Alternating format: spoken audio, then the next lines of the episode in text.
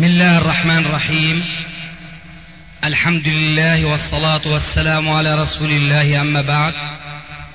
فهذا أحد أشرطة سلسلة الهدى والنور من الدروس العلمية والفتاوى الشرعية لشيخنا المحدث العلامة محمد ناصر الدين الألباني حفظه الله ونفع به الجميع.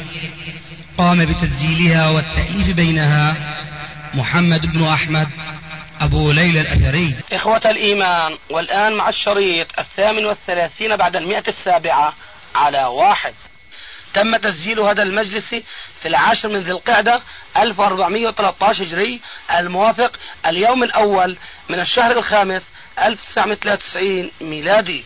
إن الحمد لله نحمده ونستعينه ونستغفره ونعوذ بالله من شرور أنفسنا ومن سيئات أعمالنا.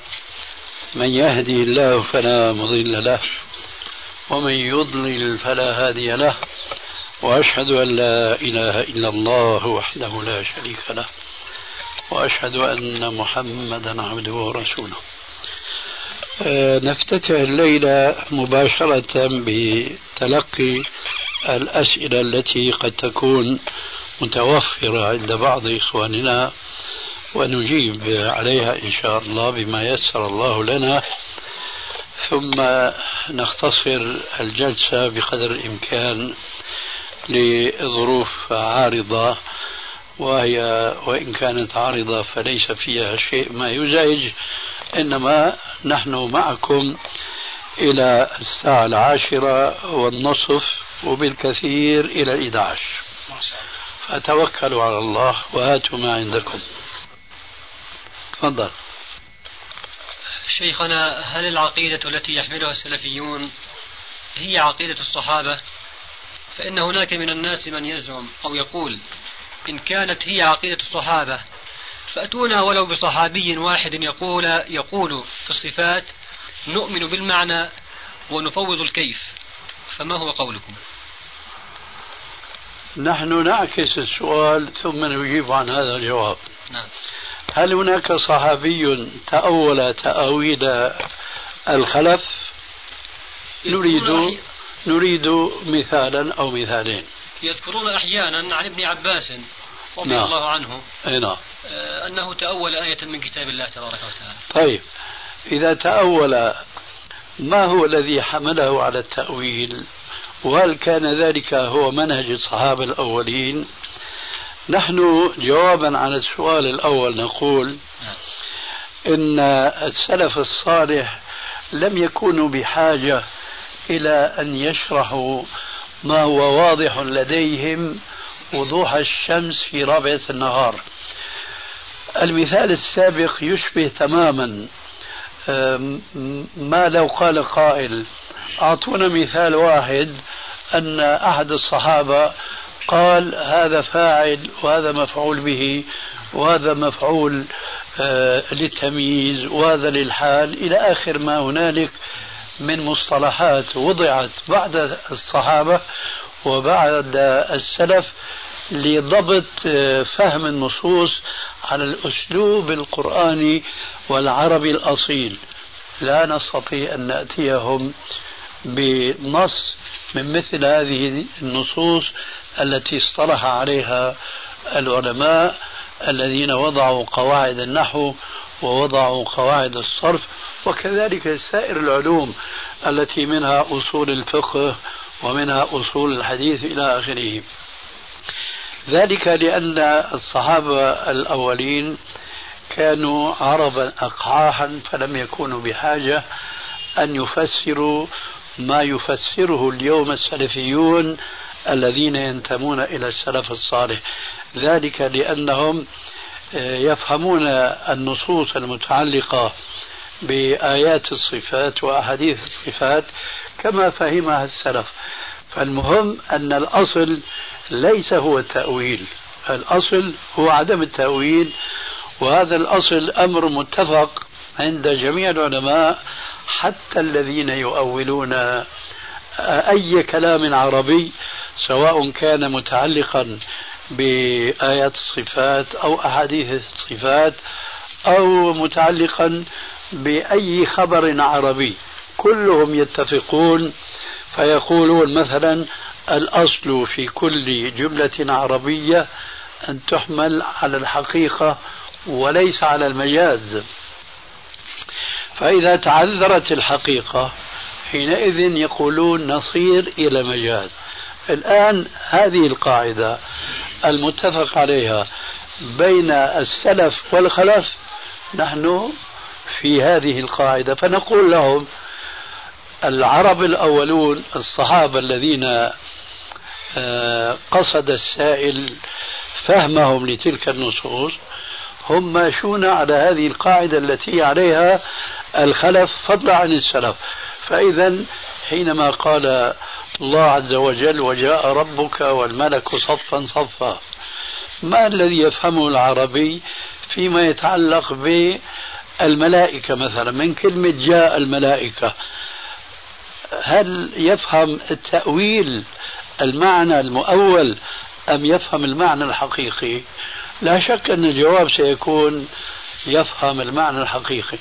سنقول له أعطنا نص أن الصحابة فسروا مجيء الملائكة بالمعنى الحقيقي. لن يستطيع أن يصل إلى ذلك أبدا. لماذا؟ لأن الأمر واضح لديهم. يمشون على قاعدة علمية مجمع عليها. ليس فقط بين السلف بل والخلف أيضا. فما كان قولهم عن هذا المثال السهل البسيط هو نفس جوابنا على السؤال الذي أوضحته أو وجهته آنفا.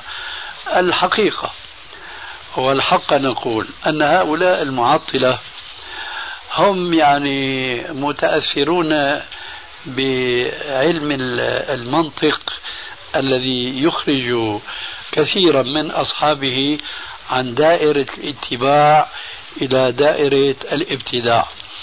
فحينما يريدون هذا السؤال معنى ذلك أنه ليس هناك ضابطة لفهم نصوص الشريعة إطلاقا.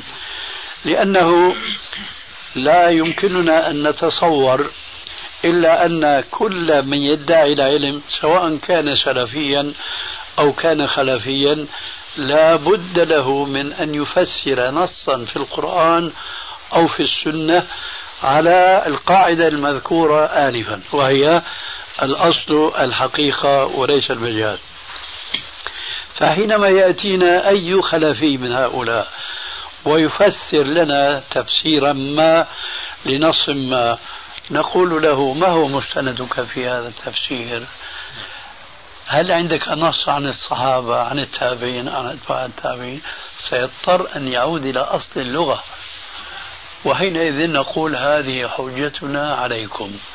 لماذا تتأولون النصوص التي لا تعجبكم ظواهرها ولا إشكال فيها؟ إنما جاء الإشكال كما هو الأصل من التكييف من التشويه. لهذا يقول شيخ الإسلام ابن تيمية رحمه الله أصل المعطلة أنهم وقعوا في التشويه. فلما أرادوا الخلاص من التشبيه لجأوا إلى التأويل. فلو أنهم آه، أخذوا بمثل قوله تعالى ليس كمثله شيء وهو السميع البصير. وكذلك سورة الصمد قل هو الله أحد الله الصمد لم يلد ولم يولد ولم يكن له كفوا أحد. لو أنهم وقفوا عند هذا النص ما احتاجوا إلى التأويل لأن مصيرهم للتأويل هو أنهم فهموا هذه الآيات على مقتضى التشبيه. فإذا قلنا جاء ربك أي كما يليق بجلاله. كذلك الملائكة. الملائكة أيضا خلق من خلق الله لكن لا شك ولا ريب أن مجيئهم لا يشبه مجيء البشر بل الجن الذين خلقوا من نار مجيئهم وذهابهم وإيابهم لا يشبه بأي وجه من الوجوه مجيء البشر. فهل نؤول المجيء المتعلق بالجن أو المجيء المتعلق بالملائكة أم نقول إن مجيء كل ذات تتناسب مع تلك الذات؟ هكذا ينبغي أن تفهم نصوص الكتاب والسنة أي على القاعدة العربية. الأصل في كل جملة الحقيقة وليس المجاز. فإذا تعذرت الحقيقة صير إلى المجاز. هذا جواب ذلك السؤال. ثم يخطر في بالي شيء آخر وهو أن هذا السؤال يعني عدم الاعتداد بفهم الأئمة الذين يتظاهرون بالتمسك بعلمهم وبفهمهم. بينما هنا لا يقيمون لفهمهم وزنا إطلاقا. مع أن الأئمة هم الذين يعني اقتدينا بمنهجهم وبأسلوبهم في تفسير الآيات وتفسير الأحاديث. لذلك كان كثير من علماء السلف يحذرون عامة الناس أن يجالسوا أهل الأهواء لأنهم أهل شبهات وطرح إشكالات ومع الأسف لا يستطيع كثير من أهل العلم أن يجيبوا جوابا مقنعا موافقا للكتاب والسنة من جهة ومتابعا للعقل الصحيح من جهة أخرى. كثير من الناس لا يستطيعون أن يقدموا الحجة والبيان لأولئك الذين تأثروا بالشبهات والإشكالات التي يطرحها أهل الأهواء والبدع. لذلك حسموا الباب ونهوا عن مخالطة أهل البدع والأهواء. غيره. جزاك الله خيرا. تفضل. شيخنا بالنسبة لقوله تعالى على الأرائك ينظرون. والنظر الذي قال الأئمة يعني بعض الأئمة فسر هذا النظر آه، بأنه النظر إلى الله تعالى. ثم هناك حديث آه، إن أدنى إن أعلى أهل الجنة منزلة هو من ينظر إلى الله كل يوم آه، مرتين. مع أن هذا الحديث قد أوردتموه في ضعيف الجامع. فهل هناك وصف لرؤية المؤمنين لربهم في الجنة؟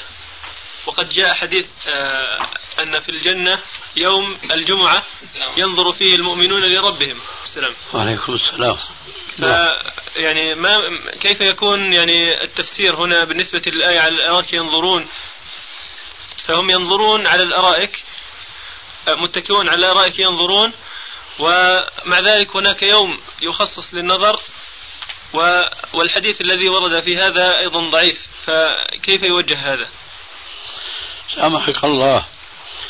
هل تسأل عن أصل رؤية المؤمنين لربهم؟ أم تسأل عن المرات التي ينظرون فيها إلى ربهم؟ الثانية. أم أم تسأل عن عدد المرات التي ينظرون فيها إلى ربهم؟ سؤالك ذو شعب كثيرة. فلو أنك حددت سؤالا أولا وثانيا وثالثا إن كان الأمر كما نتصور يكون هذا أوضح للحاضرين سؤالا وجوابا. فإن كان في سؤالك ثلاثة أسئلة فابدأ إذا بالأهم فالأهم. طيب بالنسبة لقول الله تعالى على الأرائك ينظرون هل هذا دائم في الجنة؟ يعني نعتبر هذا الأول. طبعا. أقصد دائم آه، من حيث الوقت رجعت حليمة إلى عادتها القديمة يا أخي حدد سؤالك بارك الله فيك يعني هم هل أنت مؤمن بأصل الرؤية؟ نعم طبعا طيب إذا ما هو سؤالك؟ السؤال أن هذا النظر يعني دائم في كل وقت في الجنة؟ ما ندري دائم كل وقت إذا يعني الأمر مش لماذا مثل هذا السؤال؟ هلا سألت مثلا عن حديث الجمعة المسمى بالحديث بيوم المزيد. هل صحيح أم لا؟ نقول نعم والحمد لله هو صحيح. إذا المؤمنون يرون ربهم كل يوم جمعة. أما كل ساعة وكل لحظة ما عندنا علم. ولماذا السؤال في الأمور الغيبية؟ وأنت بلا شك تعلم في حدود ما علمت أنك لم تقف على أن المؤمنين يرون ربهم في كل لحظة وفي كل ساعة. لا ما علمت هذا. ولا غيرك يعلم ذلك إطلاقا. إذا الذي يجب على كل مؤمن وعليكم السلام هو أن يؤمن بأصل الرؤية التي ثبتت في الكتاب والسنة. ولذلك أنا استغربت أول الأمر في حينما سألت عن قوله تعالى على الأرائك ينظرون هل هذا معنى ينظرون إلى ربهم؟ الجواب نعم لكن هناك نصوص أوضح في إثبات أصل الرؤية من هذه الآية. وهذا ليس بحاجة الآن لسنا بحاجة لأن نذكر شيئا منها لأني لا أعتقد أحدا من الحاضرين على الأقل عنده شك في أن المؤمنين يرون ربهم يوم القيامة. حتى الذين ينكرون الصفات بطريق تأويلها كالأشاعرة والماتريدية مثلا مما يحجون بهم وتقام الحجة عليهم أنهم يؤمنون برؤية المؤمنين لربهم يوم القيامة خلافا للمعتزلة وخلافا للخوارج. هؤلاء المعتزلة والخوارج ينكرون أن المؤمنين يرون ربهم يوم القيامة. أما الماتريدية والأشعرية فهم يشاركون أهل السنة أهل الحديث في إيمانهم بأن المؤمنين يرون ربهم يوم القيامة. هنا آه، يأتي حجة هي قاصمة ظهر المنكرين لاستواء الله عز وجل على عرشه واستعلائه على مخلوقاته. ذلك لأن هذه الرؤية التي اشترك الماتريدية والأشاعرة مع أهل الحديث في الإيمان بها تستلزم إثبات العلو لله عز وجل. وهم ينكرون العلو. فيقال لهم كيف تنكرون علو الله على خلقه? ومع ذلك تثبتون رؤية المؤمنين لربهم. فكيف تعقلون رؤية المؤمنين لربهم وأنتم تنكرون علو الله عز وجل على على خلقه؟ هذا تنافر وتضاد. ولذلك الآن تجد ذاك الرجل الذي يعني ملأت ريحته الكريهة أنوف المؤمنين جميعا لا يتعرض إطلاقا لإثبات هذه العقيدة وهي عقيدة رؤية المؤمنين رؤية المؤمنين لرب العالمين مع أنها عقيدة الأشاعرة وعقيدة الماتريدية لماذا؟ لأن هذه العقيدة وحدها تكفي لإبطال قولهم الله عز وجل ليس فوق العرش وليس فوق المخلوقات كلها. إذا يجب أن نؤمن بأصل الرؤية هذه لثبوتها في الكتاب والسنة وإجماع السلف والخلف من الماتريدية والأشاعرة. أما الدخول في التفاصيل فيقف المؤمن عندما علم منها. علمنا حديث المزيد حديث يوم الجمعة وأن المؤمنين يرون ربهم في كل جمعة فآمنا بذلك ولسنا مكلفين بل لا يجوز لنا أن نتعمق أكثر من ذلك. ويعجبني بهذه المناسبة قول أحد علماء الحنفية الماتريدية الذين كما ذكرت آنفا يشتركون مع أهل الحديث في الإيمان بهذه النعمة العظمى وهي رؤية المؤمنين لربهم يوم القيامة. قال هذا الرجل العالم الفاضل الحنفي الماتريدي يراه المؤمنون بغير كيف وتشبيه وضرب من مثال. يراه المؤمنون بغير كيف وتشبيه وضرب من مثال. هذا ما يمكنني أن أتحدث به في هذه اللحظة جوابا عن تلك المسألة. غيره. تفضل.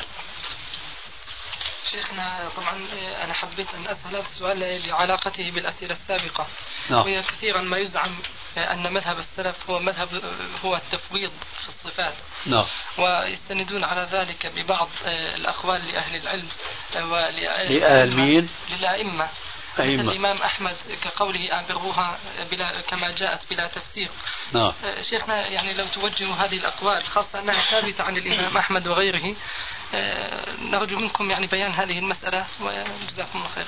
سبق أن تكلمنا عن هذه المسألة وجوابا عنها.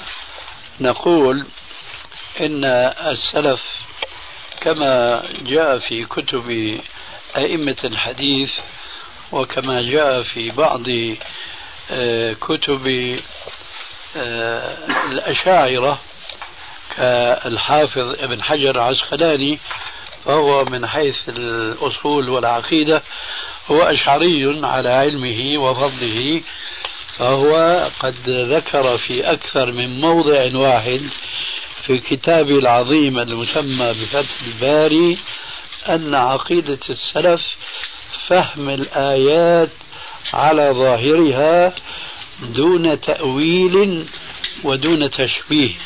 فقول الإمام أحمد أمروها كما جاءت أي افهموها كما جاءت دون أن تتعمقوا في محاولة معرفة الكيفية. والذين يقولون إن مذهب السلف هو التفويض أولا يلزمهم أمران اثنان وكما يقال أحلاهما مر. يلزمهم أن الآيات التي وصف الله عز وجل نفسه بها فضلا عن الأحاديث الكثيرة التي وصف النبي صلى الله عليه وآله وسلم ربه فيها كل هذه النصوص معناه معناها على مذهب التفويض أننا لا نفهم هذه النصوص بل ولا ندري لماذا ربنا عز وجل أنزلها في كتابه ولا ندري لماذا نبيه وصف ربه بهذه الصفات. والواجب علينا ألا نفهم هذه الصفات المذكورة في القرآن والسنة علما أن الله عز وجل نعى على قوم أنهم لا يهتمون بفهم القرآن الكريم حينما قال رب العالمين أفلا يتدبرون القرآن أم على قلوب أقفالها؟ بلا شك أن أعظم شيء آه، يتعلق بهذا الإسلام هو معرفة الرب الذي شرع هذا الدين وعلى لسان نبيه عليه الصلاة والسلام فحينما يقال في أح... في آيات الصفات وفي أحاديث الصفات لا نفهم منها شيئا إذا هم لم يعتبروا بمثل قوله في الآية السابقة أفلا يتدبرون القرآن أم على قلوب أقفالها ويشملهم أيضا أم لهم قلوب لا يعقلون بها؟ وما يذكر إلا العالمون والآيات كلها إنما أنزلت لتعقل وتفهم عن الله عز وجل. فإن كانت متعلقة بالعقيدة تبناها عقيدة وإن كانت متعلقة بالأحكام تبناها وعمل بها. إذا إذا كانت الآيات المتعلقة بصفة الله عز وجل لا تفهم فإذا نحن لا ندري عن ربنا شيئا إلا أن له وجودا. وعلى هذا هناك صفات مجمع بين العلماء حتى علماء الخلف. مثلا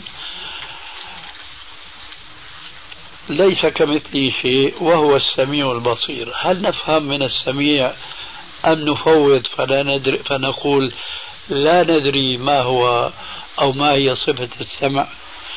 البصير لا ندري ما هي صفة البصر. والقدير والحكيم والعليم إلى آخره. معنى ذاك التفويض المزعوم أننا لا نفهم شيئا من هذه الصفات.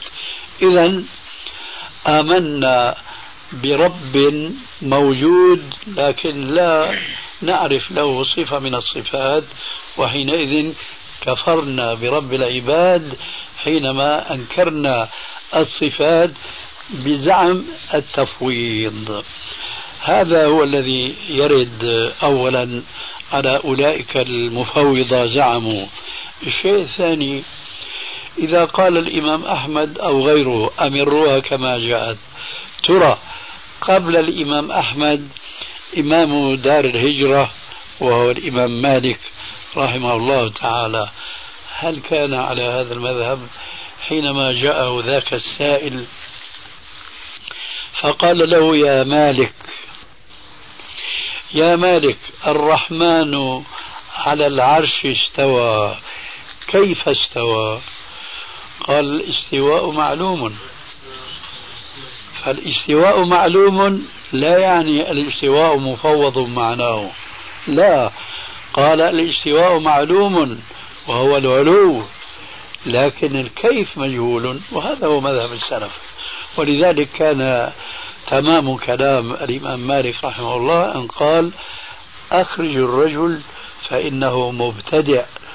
لم يكن هذا الرجل السائل مبتدعا لأنه سأل عن معنى خفي عليه من قوله تعالى الرحمن على العرش استوى وإنما أخرج وبدع لأنه سأل عن كيفية الاستواء. فكان قول الإمام مالك هذا هو الذي يمثل منهج السلف الصالح والمتبعين لهم بإحسان إلى يوم الدين وهو أن معاني آيات الصفات وأحاديث الصفات مفهومة لغة لكن كيفياتها مجهولة تماما. فلا يعرف كيفية الذات إلا صاحب الذات ولا يعرف كيفية الصفات إلا الذات نفسها. لكن الاستواء معلوم. والسمع معلوم والبصر معلوم والعلم معلوم وهو إلى آخره. ولذلك فأنا أعتقد أن تفسير كلمة الإمام أحمد آه، من روى كما جاءت هو بأنها تعني عدم فهم الآيات وأن نقول الله أعلم بمراده كما يزعم الخلف. هذا هو أصل التعطيل المؤدي إلى جحد الخالق سبحانه وتعالى. ولذلك فأنا يعجبني كلمة الإمام شيخ الإسلام ابن تيمية رحمه الله وأكررها على مسامعكم لتحفظوها لأن فيها جماع هذه المسألة في كلمتين اثنتين. يقول رحمه الله المشبه يعبد صنما والمعطل يعبد عدما. فالله إذا قال إنسان ليس فوق وليس تحت وليس يمين وليس يسار وليس وليس داخل العالم ولا خارجه كما يقول بعض المبتدع المبتدع الضالين في هذا البلد خاصة يزعمون بأن الله لا داخل العالم ولا خارجه. هذا وصف للمعدوم الذي لا وجود له. لو قيل لإنسان ما العدم شيء ماذا تتصورون يكون الجواب؟ هل هو شيء؟ لا شيء. العدم لا شيء.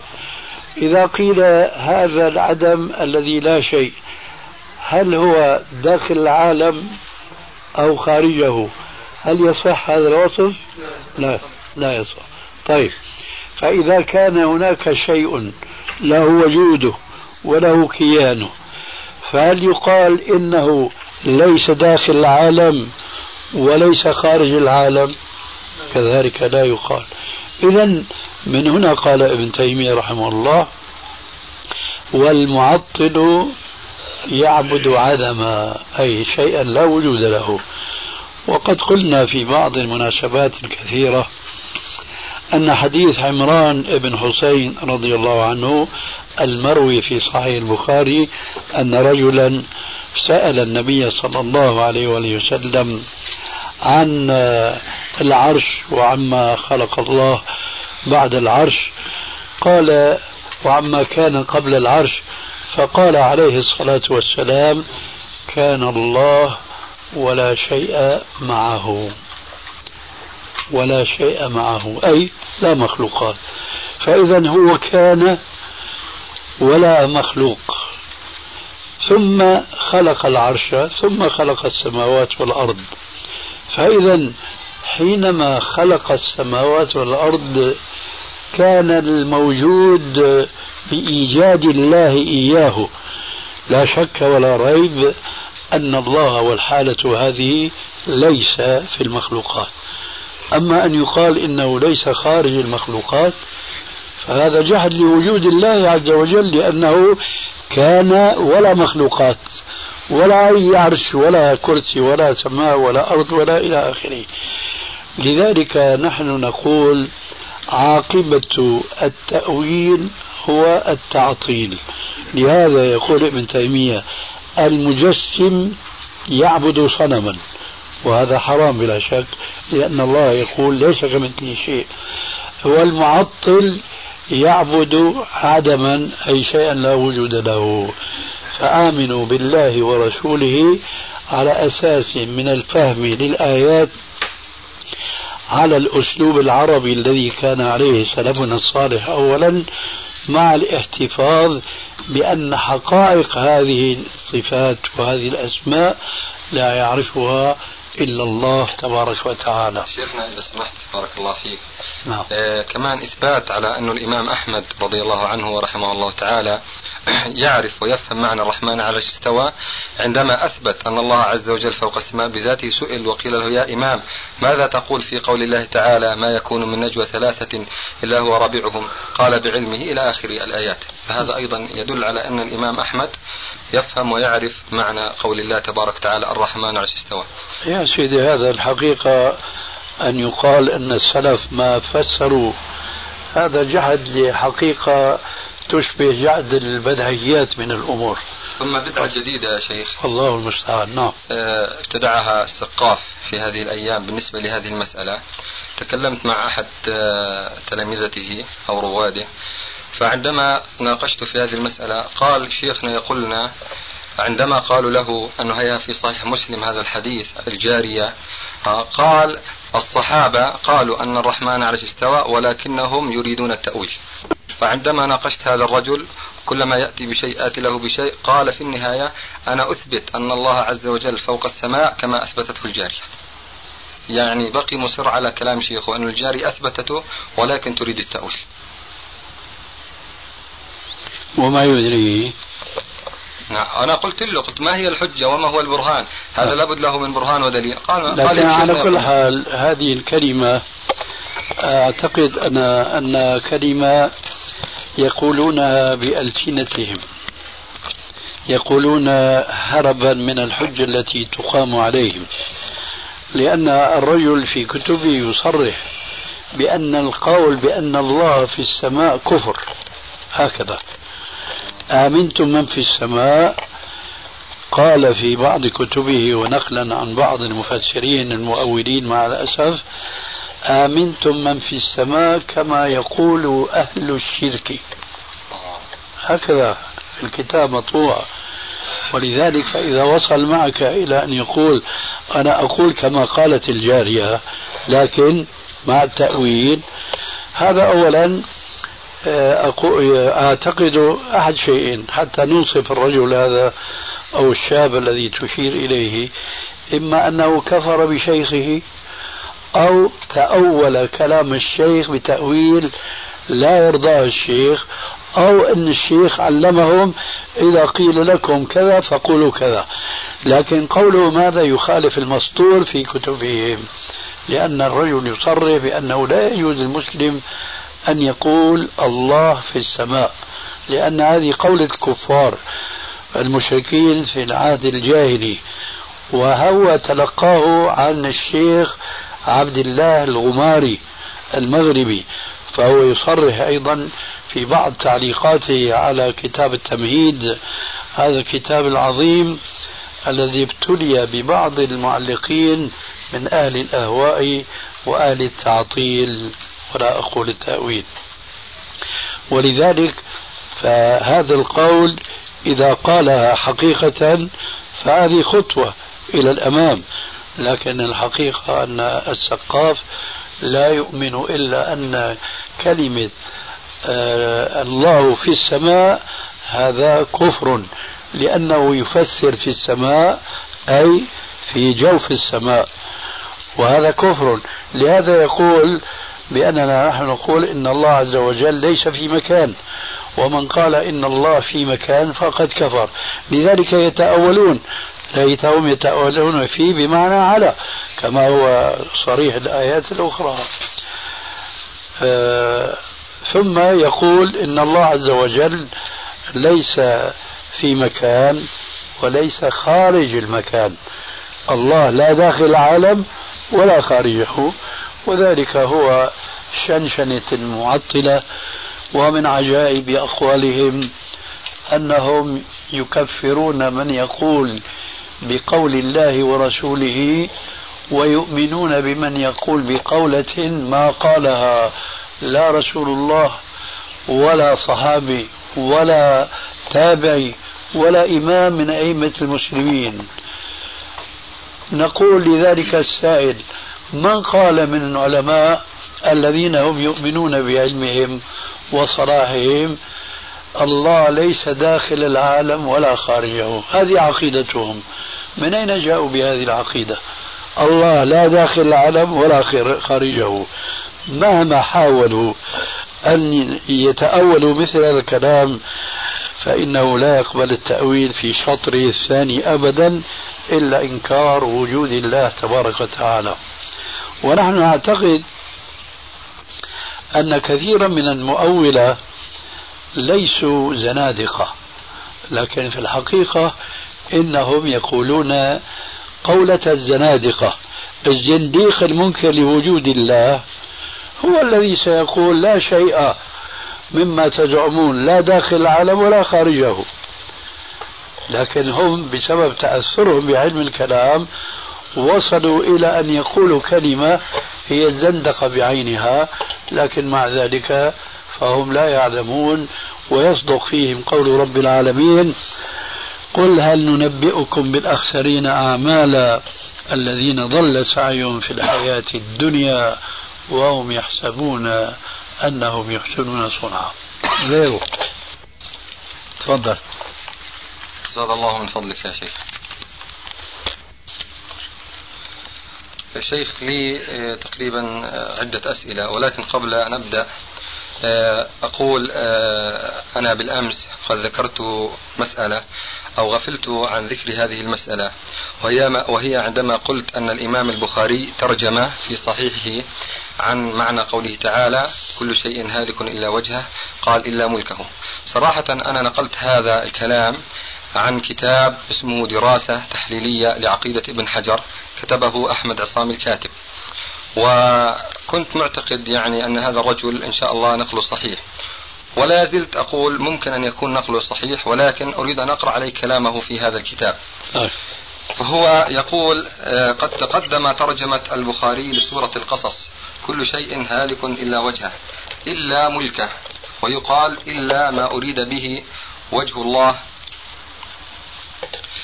إلا ما, إلا ما أريد به وجه الله وقوله إلا ملكه قال الحافظ في رواية النسفي.